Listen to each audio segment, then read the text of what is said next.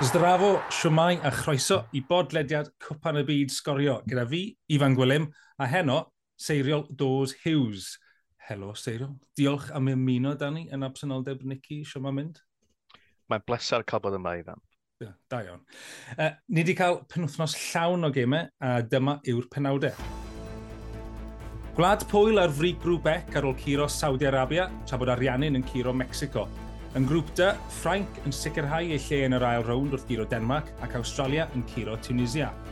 Costa Rica yn curo Japan a gêm gyfartal rhwng yr Almain a Sbaen oedd yn grŵp E di syl, a sioc yn pyrwthnos oedd Morocco yn curo Glad Belg yn grŵp F. Canada yn colli yn erbyn Croatia yn golygu bod nhw allan ar ddiwedd y grŵp. Wel ie, yeah, Seiriol, diolch am ymuno yn dda ni. Siwt ti ti wedi bod yn mwynhau cwpan y byd ar, uh, hyd yn hyn? Dwi wedi mwynhau'r pêl-droed. Mae rhaid fi wedi, dwi wedi stryglo eitha lot gyda gwylio'r gemau. Oedd na siom fawr i fi fel dyn hoiw gyda y uh, peidio gwisgo yr armband One Love. Um, ond i ddim rili really maldio'r llawer am y peth tan yn nhw benderfynu bod nhw ddim am ei wneud e. Mm. A'r holl amser wedi dweud, um, ni'n mynd i fynd yna ond ni'n mynd i wneud safiad, a mae'r gwledydd oedd yn mynd i wneud y safiad i cyrraedd yna ddim wedi wneud unrhyw beth. A wedyn siom o weld dyfyniad Rob Page am dyler Almain wedi canolbwyntio ar y droed hefyd. Felly, fi yn teimlo fod wedi cael yngada lawr o ran y pethau hynny o ran yr egwyddoriol y pobl wedi gofod sôn dan nhw. Ond wedyn o ran pêl-droed, a ni'n gweld fy hun yn cefnogi Saudi Arabia, yr underdogs, achos pan ti'n gwylio gêm, ti'n gallu stopio dy hun rhai cefnogi nhw, na gweud. Um, yeah, conflict fyna, na gweud, internal conflict. Ie, yeah, yn hollol, dyna yw e, really. A, a dwi wedi teimlo bach yn wang yn gwylio rhai'r gemau yw'r angerdd arferol ddim wedi bod yna. Ac yna wedi gyda gemau Cymru ddweud y gwir, mae wedi effeithio fi i cryn dipyn, ond uh, dyna ni, dwi wedi mwynhau hefyd. Mae'n golga da wedi bod, mae'n gemau wedi bod, a fi'n cedi mae'n uchafbwynt i hyd yn hyn oedd gol Richarlison yn erbyn Serbia. Just skill, chwaraewr ar dop i gêm, ar lefel uchaf, yn sgor y gol fyna anghwpan y byd, yn y kit, yr Brasiliad yn dathlu, oedd e just yn wych. Ti'n uwch gynhyrchydd, sgorio, um, fel darlledwr profiadol, beth ti wedi wneud o be ni'n gweld ar y teledu? Wel, mae'r safon yn wych. Y, y ffordd mae gweithio ydy, mae y cyfarwyddwyr gorau gwmpas y byd yn mynd â'u criwiau i ffefrynnau nhw draw. Um, felly mae'r pobl sy'n gwneud y cyfrif gorau o yr Almain, Sbaen, Lloegr ac yn y blaen i gyd yn mynd. Felly dwi'n meddwl ar y cyfan, chwarae teg, mae'r cyfrif yn arbennig o dda ac yn amlwg mae'n yna lot o gymerau o bob gym a mae'n yna lot o onglau. Um, Dwi'n yn gwybod, weithiau dwi'n teimlo bod uh, y stori gyda'r cefnogwyr weithiau, byddai ni fel cefnogwr eisiau jyst canolbwyntio ar y gêm yn lle cael yn angos drwy'r amser. Ond na, mae'r chwarae teg fi'n credu bod mae'r cyfrif yn, yn wych, ond mae'n heriau, ma, fi'n credu mae VAR yn broblem fawr o ran FIFA a'r IFAB o ran y ffordd mae'r peth yn cael ei gyfathrebu ac yn amlwg mae'r lledu'n rhan o hynny. Ond mae trio cyfathrebu i'r gynulleidfa beth sy'n digwydd gyda VAR yn real problem, dwi'n meddwl. A mae'r ffaith bod y sylwbyddion ar ail eisiau mynd mor wound up yn y peth ar y teledu, falle ddim yn helpu. Ond um, yeah, dwi'n meddwl cymryd nhw'n rili really angen edrych ar y ffordd mae VAR yn gweithio ar teledu. Mae VAR yn cyfrannu at y ffaith bod yna lot o fynydau ychwanegol i gael bydd. Bron bod hanner awr extra yn gêm Lloegr uh, Iran. Mae hwnna'n sialens hefyd, e. Yndi, ond dwi wedi sylwi actually, yn yr ail rownd o gemau, mae llai amser yn cael ei ychwanegu. Um, ond a lot yn y rownd gyntaf o gemau, ddim gymaint nawr. Ond y broblem fwyaf byddwn ni'n meddwl gyda hynna, yw gyda pobl sy'n darlledu gyda hysbysebion yw, fel arfer mae'n cael hyn a hyn o hysbysebion o fewn awr, cyn i'r awr orffen. Felly, right. gan bod y gemau mynd mor hir, maen nhw'n mynd dros yr awr. Felly, byddwn ni yn meddwl mewn rhai gwledydd lle mae'n hysbysebwyr bod y wir yn creu problem, a mae'n definitely creu problem o ran amser lenni, achos yn sydyn, ti di, ta, ni, fel, ni fel arfer yn caniatau 48 munud i bob hanner, ac yn sydyn ti angen awr i bob hanner. Ie, yeah, mae hwnna'n tipyn o wahaniaeth. Um, un peth o'n i'n licio, ti'n gweud, ti'n fan mawr o'r gymaint o sylw ar cefnogwyr. O'n i'n gwylio'r un Japan Costa Rica bore yma, a oedd yna shots o ganad, ti'n rili really teimlo bod ti yn y crowd. Oedd e'n eitha uh, effeithiol yn cael ti mewn i hwyl y ultras y Japan yn ymwedig. Oedd ti'n teimlo bod ti yn y canol. Ie, yeah, a dyna'r peth sydd wedi newid fwy os ni'n meddwl, yw maen nhw yn defnyddio camerau gyda sensor mawr, large sensor, sy'n rhoi yr yr ffil ffilmig yna o'r cefndir wedi blurio, a mae hwnna'n rhoi ti... Fi'n gweld lot o bobl yn cwyn am y shot yn y twnnel ddo, ti mor agos at y chwaraewyr. Mm. Mae'r un peth gyda cynogwyr. Ond sydd ddim llawer o bethau newydd, fel arfer yn Nghymru y byd, mae'n dynnu o tegannau newydd, ond dyna'r yr ni beth newydd dwi wir di sylwi. Ond i bai yr ystadegau, mae lot o ystadegau gwahanol newydd. A ni'n gweld yr, maen nhw wedi chwanegu ystadegau ar faint mae'r bel yn troelli ar ambell i gol. Right, a dwi'n okay. dwi siŵr os yw cael APM yr ergyd mewn y gol wir yn ystod egin sy'n ychwanegu llawer. Ond ah. y, new, y newydd mwy ar sgrin i fi yw amrywiaeth. Ti'n mynd ôl peder mynedd oedd Alex Scott, y pundit benywaidd cynta erioed i gwpan y byd yn y BBC, a nawr mae yna pundit benywaidd fwy'n lai'r bob gêm yn cynnwys mm. pob pundit yn un o gemau TV.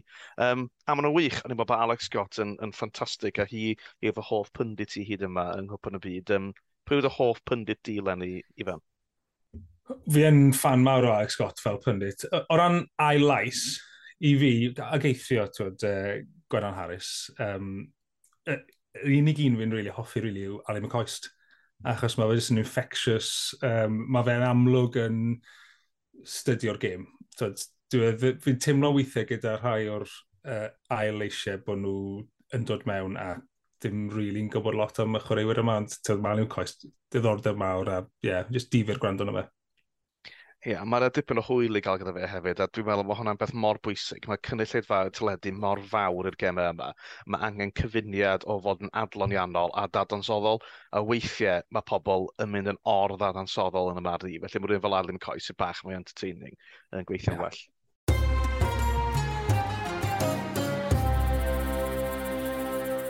ni wedi cael penwthnos llawn o gemau ers, i, ers i ni recordio'r pod diwetha. Felly, ewn ni trwy'r gemau sydd wedi bod uh, disadwn a disiled. So, disadwn, uh, bio ni yn Wrexham yn darlledu uh, gêm FA Cup. So, nes i fethu lot o hyn, fi wedi bod yn goffod dal lan. Ond yn grŵp ec, fel o'n i gweud, gwlad Pwyl yn curo Saudi Arabia, dwy gol i ddim, a gol gyntaf Robert Lewandowski yn y cwpan byd erioed, a wedyn ni ariannu'n yn dod dros y siom o golli yn y Saudi Arabia ac yn curo Mexico dwy gol i ddim, a Messi yn sgorio'r gol gyntaf yna. Um, grŵp D, Australia'n curo Tunisia, gol i ddim, a Frank uh, gyda dwy gol i Mbappe yn curo Denmark, uh, dwy gol i un. Felly, Lewandowski, Messi, Mbappe, oedd hi'n ddwrnod i'r enwau mawr, seriol? Oedd mi oedd i. Mae hwnna'n un o themau y cwpan y byd yma, dwi'n meddwl, yw tîmau trefnus yn stopio tîmau eraill rhag sgorio, a wedyn ambell i unigolyn yn cael penawdau. Ti'n mae Mbappe, mae enfa ar yr esgyd air, dwi'n meddwl, ydy y goliau mae wedi hmm. sgorio yn barod. Um, ond gol nes i fwynhau yn y grŵp yna, yn fwy na goliau gem Ffrainc Denmark, y gol diwc i Australia, mae hwnna'n beniad gwych A mae hwnna'n rhywbeth oedden ni byth bythoedd yn gallu gwneud o'r gair pel droed. O'n i'n wir yn meddwl bod yn gyffyrddiad da, ac ni'n falch dros Australia. Dwi'n yn siŵr os ewn nhw drwodd i'r rawn nesaf. Um, Mae'n chwarae nebyd Denmark, byddai rhywun yn meddwl bod Denmark yn ennill y gêm yna. Ond, mae'n tynged nhw'n ei dwylo hynny, dydyn, os nhw'n cael gêm gyfartal, maen nhw drwodd yna thebyg. Ydyn, ie. O'n i'n disgwyl Denmark i wneud yn dda iawn yn y grŵp na, o gael bosib ennill e, o flaen Ffranc, ond mae rhaid i nhw giro Australia, a dyma mae'n wirioneddol bosib iddyn nhw byd o'n neud hynna ar ffordd mae pethau wedi mynd. Mae gymaint o siocs yn y, game, yn y tournament yma. Ie, yeah, wedyn yn y grŵp arall, dwi wedi cael gweld pwyl yn y sweep y swyddfa. Um, Mae'n anodd iddyn nhw, mae chwarae'r ariannydd yn y gêm ola, ond fyddwn ni yn hoffi gweld nhw'n mynd drwodd. Mae'r asgon cefn yna, Chesney, Glic, Krykowiak, Lewandowski. Mae nhw wedi chwarae geiniau, os nad cysnwg os cant cap gan nhw i gyd. Mae wedi chwarae llwyth o gemau rhag gwadl gyda'i gilydd. Um, a mae fatha un tournament ola iddyn nhw yn dydy, ond ie, yeah, yr unigolyn Messi y chwarae teg oedd hi'n dipyn o gol. Ond yn gweld pobl yn canmol e am yr assist, ni'n meddwl, oedd llawer i en Enzo Fernandez, ie, oedd hwnna'n gol wych ar ail yn y fyd. Wel, dwi'n gwybod, uh, ariannu'n fi wedi cael yn sweep yn y swyddfa'n gyrdydd, so, um, yeah, fi gobeithio'r gweithio ti yn y gym yna, sori. Di Sil wedyn ni, um, ti'n byd o got games da yn y, ar y Di Sil, o'n i'n teimlo. Grŵp E, Costa Rica yn curo Japan o un gol i ddim. Ar ôl i Costa Rica fod mor wael yn y gêm gyntaf yn Sbaen, a Japan cael y sioc yna, uh, bydd y goliaeth yn erbyn yr Almain. Mae'n rhyfedd na'n gweld bod yna gymaint o difau sydd wedi gwneud yn dda yn un gêm, ac yn um, yn wael ac yn siomi yn yr ail gêm, neu fel arall rownd yn ystod y dwy gêm gyntaf. Mae Cymru ac Iran falle yn rhan o hwnna, achos o'n i'n eitha hapus gyda pwynt, a wedyn ni yn amlwg uh, colli yn mynd ran. Mae wedi bod yn... Beth ti'n meddwl sy'n tu ôl hynna? Wel, dwi'n meddwl bod chwarae dwy gêm yn agos i gilydd ddim wedi helpu lot o ledydd. Uh, mae 5 eilydd a 26 yn y garfan yn helpu. Mae lot o ddim wedi gwneud lot o newidiadau fel welon ni gan Iran yn yr ail gêm. Mm. Um, ac ar yr ariannin, uh, ddoe hefyd. Um, Ond dwi'n mwyn gwybod, beth sy'n ddiddorol i fi gyda hynny yw, mae yna ddau grŵp i fynd, a wedyn trydydd gêm y grŵp. Be ar y ddeiar sy'n digwydd yn y trydydd gêm? mae yna yeah. lot, o, ma lot o dîmau yn mynd i fod yn agos iawn iawn at ei gilydd yn mynd y gêm ola yna. A dwi'n meddwl ni'n mynd i gweld ambell i sioc arall o ddifri. Mae yna dîmau sydd wedi gwneud yn dda, yn mynd i crasio allan. Mae yna enw mawr yn mynd i golli allan, dwi'n cadw yn y grŵp yma. Wel, chance yn y grŵp yma, mae gyda ni yr unig ddau uh, enillydd gwpan oedd y chwarae gilydd yn y grŵp, Sbaen yn ebyn yr Almain, oedd y gêm arall yn grŵp E, a nhw'n cael gêm gyfartal Almain gyda pwynt ar ôl dwy gêm, ond ma nhw falle yn un o'r rhai sy'n mynd i cael crash bach cynnar mas, a bydd hwnna'n doi gwpan y byd yn olynol. Ond o'n i'n meddwl nath yn y chwarae'n dda iawn, chwena, o'n i'n meddwl bod hwnna'n gêm o safon, O hon oedd y gêm gyntaf, o'n i i'n meddwl, mm, mae hon fel gêm knockout, o'n i'n meddwl bod y safon technegol y gêm ymhell ar y blaen i unrhyw gem arall dwi wedi gweld. Gymaint yn ysgrifennu fwynhau y gem eraill heddiw, mm. ond i'n meddwl oedd Sbaen yr Almain ar lefel uwch. Grŵp F, un arall o'r siocs yma, mae yna ma, ma, ma, lot o gemau di sgôr eitha diflas, a wedyn mae lot o siocs i gael yn y cwp yn y byd yma. Am un arall heddi, uh, Morocco Gwlad Belg. Morocco 2, Gwlad Belg, dim. Llechen lan i Morocco ar ôl iddyn nhw newid golwr ar ôl yr anthemau. Oedd hwnna, seicolegol i'r gol yna ddod mlaen, Phenomenal. Oedd yr chwarae teg, y rheolwr Morocco, nath yn syth draw at y golwr, rhoi cwtch mawr i'r boi, ysbrydoli, a wedyn oedd e mor awkward y golwr yn ymuno gyda llun y tîm. Wel, chi, oedd e'n gweld yeah. sefydd yn llun y tîm. Um, yeah. Ond a, weithiau mae'r rhywbeth fel yna, just yn gallu sbarduno tîm, dydy? Fatha, mm mae'n ma uno chi gyda'ch gilydd, reit, mae'n rhaid i wneud yn siŵr bod hi'n ennill nawr, achos bod hwn yn gol. Ond ni'n meddwl bod hwnna'n chwarae eitha da. A ni'n meddwl bod hwnna'n heiddi ennill i ddweud gwir. A na i fynd nôl at y ffaith bod nhw'n chwarae yn gwlad Belg, a fi wedi bod yn gweud hwn ar gydol y cwpan y byd yma, bod nhw wedi bod yn siomedig, a o'n i ddim yn disgwyl nhw'n wneud yn dda, really. Um, o'n i'n ges i neges o wlad Belg cyn y gêm pan dath y team sheet dod mas Achos nhw wedi bod yn diawlo y ffaith bod Alderweireld y Fytong yn y chwarae, bod, bod nhw'n cadw at tri yn y cefn. Uh, Tisyn caff wedodd e, sydd yn cyfieithu fa basically galw fe'n llo. Sydd ddim yn cyfieithu i Saesneg yn dda iawn, ond actually, o'n i fel, wel, yn y Gymraeg, fi'n deall yn iawn beth ti'n meddwl.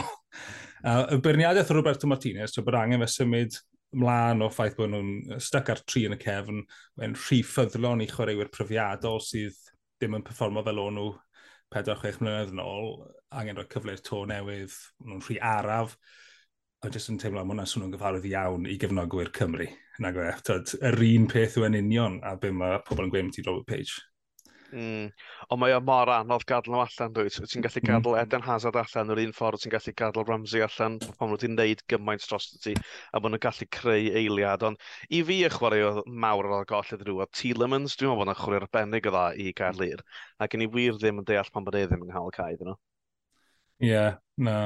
Wel, mae ma, ma Martinez yn cael lot o stick yng Ngwlad Belg, felly gen i weld beth y gwyddydd ar ôl cwpan y byd, achos mae ma angen i chwaraewyr fel Tielemans camu ymlaen a, a cael cymryd centre stage a cael gwared pobl fel Fitzel sydd yn... Dad, maen nhw wedi bod nes dros can cap nawr nag na gynnwys. E.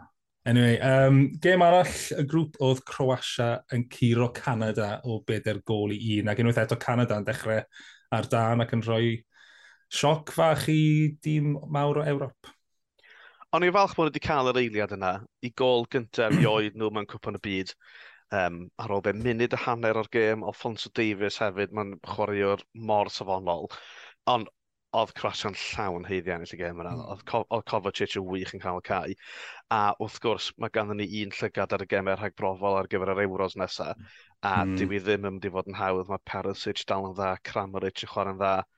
Um, ie, yeah, falle bod Modric yn dod at ddiwedd i yrfa, ond mae yna lot o chwaraewyr da dal yn ni tîm Croatian ac yn ein gwylio'r gêm yn meddwl, ww, mis mawrth, mae hwnna'n dod ar rownd yn gyflym, a maen nhw'n dîm da iawn.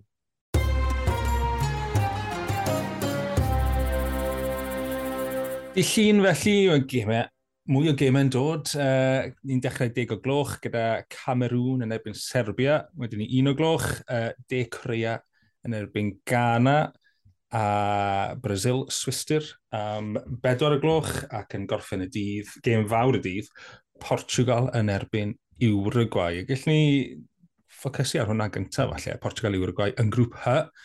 Uh, unwaith o blaen wedi chwarae yn Cwpan y Byd trwy diwetha, oedd e'n gym dda hefyd, gym dyn i Uruguay yn ennill uh, yn yr ail rownd yn Rwsia. Uh, beth ti'n feddwl, Serio?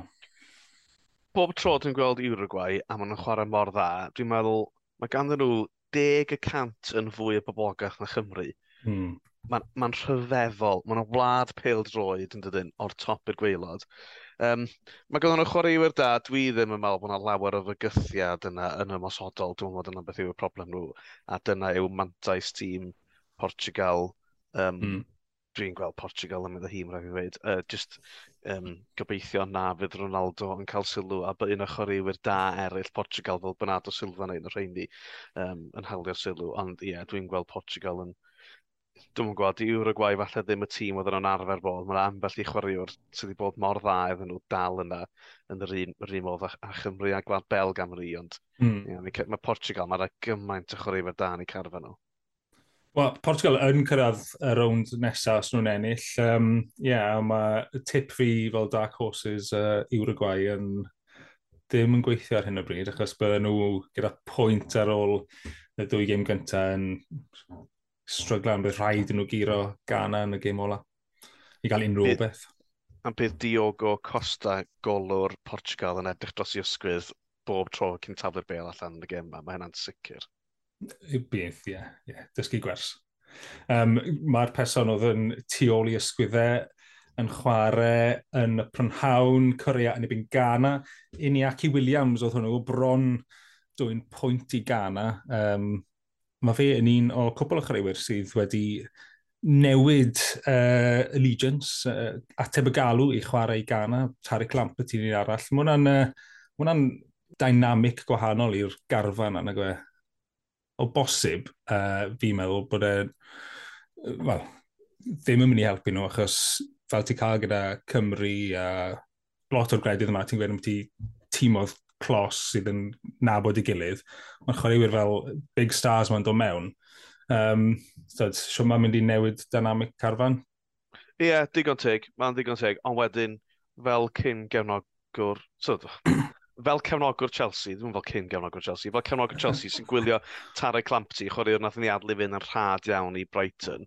Yeah. Fi'n meddwl, mae ganddo fe lot i gynnig, felly ti yn gallu gweld pan bod Ghana eisiau chwaraewr na fynd draw. Ie, yeah, ond um, ond nhw, nhw, nhw carfan Ifanca y cwpa yn y byd o'n gwe. So fe falle just mewn peder mlynedd, falle mi fydden nhw'n mi fydden nhw'n ffactor nes mlaen, ond bod hwn gyda'r ffaith bod nhw'n newydd cael y chwaraewyr yma mewn, bod e jyst yn gwpan y byd yn gynnar iddyn nhw?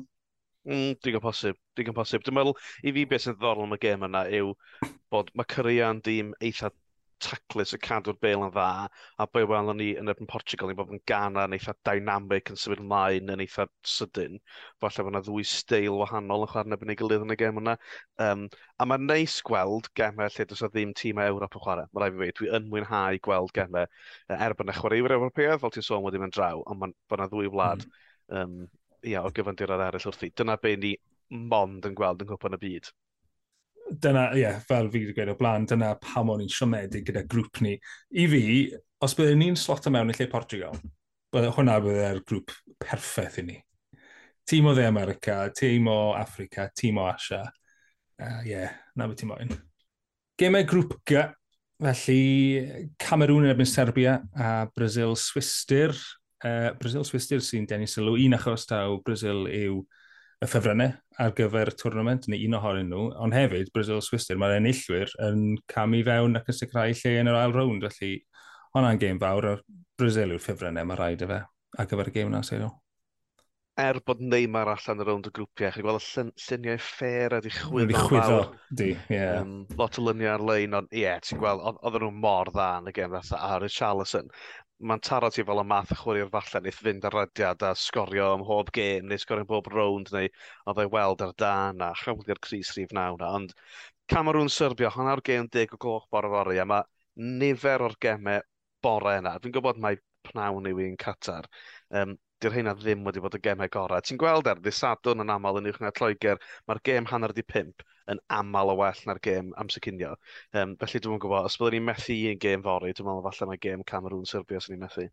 Byddwn ni'n meddwl, gres yw hwnna lot o fe, achos un o gloch y prynhawn, peak hael i pobl yn Qatar, a mae rhaid bod yna anoddach chwarae, a dyna pam mae'r gymaint o nhw'n un i ddim, ddim, ddim. Mae'r mae gold yn is yn y gym yna.